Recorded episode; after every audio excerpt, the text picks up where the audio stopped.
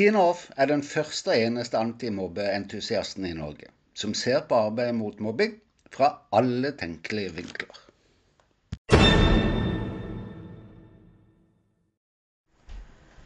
Tenk, det er allerede oktober. Her sørpå betyr det bøttevær. Temperaturen synker, naboene ses stadig sjeldnere, og vi trekker alle inn. Så hva kan vi snakke om på denne høstdagen? Hva med FAU? Jeg regner med at årets FAU-lag er satt på skolen, og at planer for året er full gang. I den forbindelse kan det jo være kjekt med noen innspill fra antimobbeentusiasten. Vel, her kommer de i hvert fall. Velkommen til episode 47. Uansett planer vil det å sikre informasjonsflyt kanskje være noe av det lureste FAU prioriterer. Årsaken er at opplevelsen av manglende informasjonsflyt mellom skole og hjem, eller mellom skoleledelse og ansatte, eller mellom ansatte og elever, ofte er en utfordring jeg møter. Og det kan skape mye unødvendig frustrasjon og prat i gangene. Motsatt, altså med jevnlig og stabil informasjonsflyt, har potensial i seg for å gi positive effekter på relasjonen mellom skole og hjem. Det kan føre til økt trygghet og skape tillit, og ikke minst handlingsvilje når ting skjer. Hvordan tenker du kanskje? Jo, vel, det kan jo gjøres på flere måter. Dersom det ikke allerede er en slik ordning, så anbefaler jeg å pushe litt på for at rektor gir ut en ukesinfo.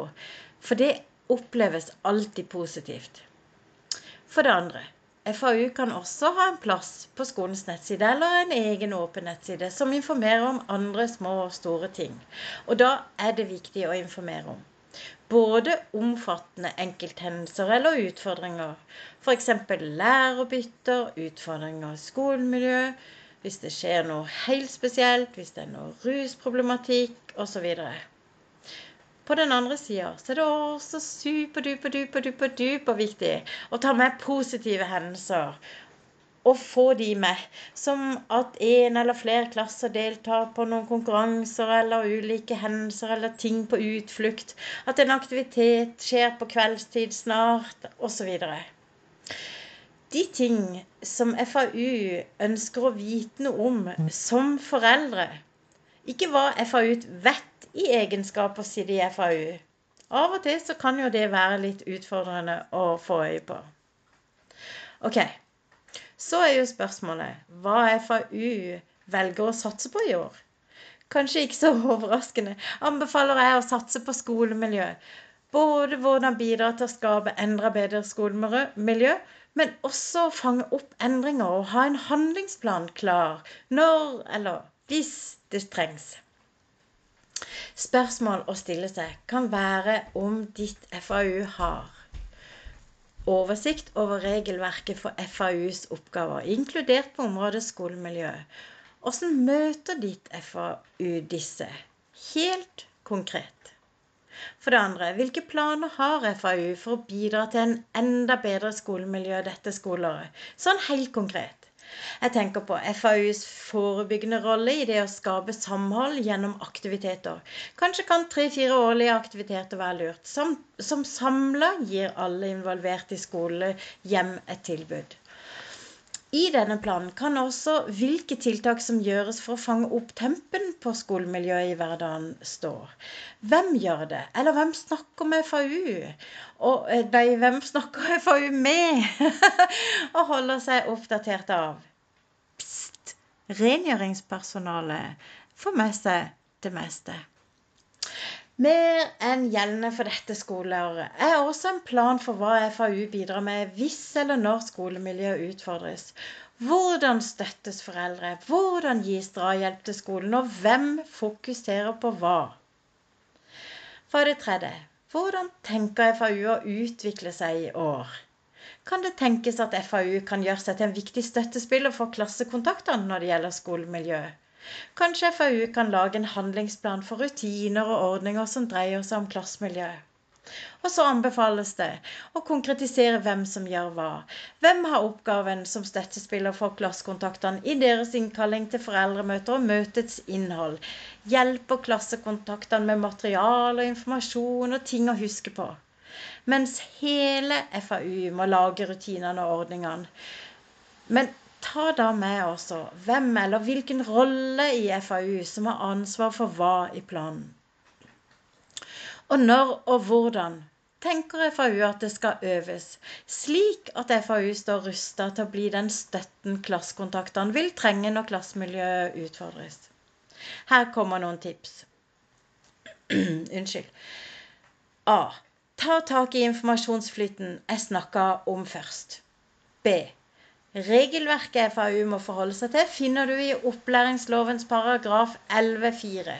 Foreldreråd ved grunnskoler heter den. Bare søk opp lovdata.no og opplæringsloven. Punkt C. Lytt gjerne til podkastepisodene som jeg har. Konsekvensene av mobbing og hvordan hjelpe barna. Hva gjør vi med den digitale mobbinga?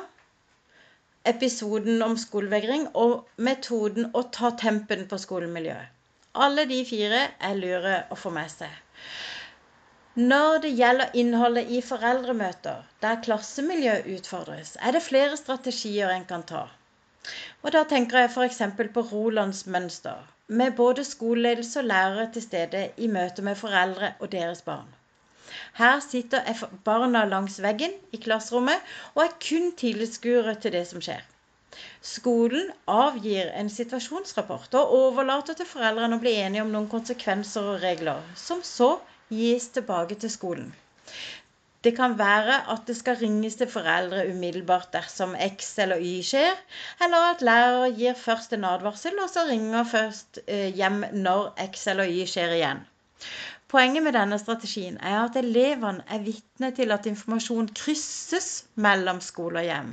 To arenaer som ellers jo er veldig atskilte, ikke sant? Det viser seg nemlig å ha effekt.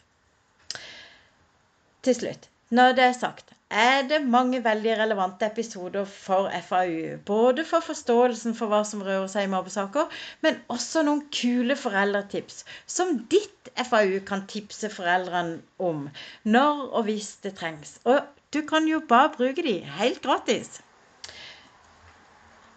Husk, vi har over 180 000 små og store grunner bare innenfor mobbeområdet til å ville støtte og gi drahjelp i det å skape knallgode skolemiljø på skolen.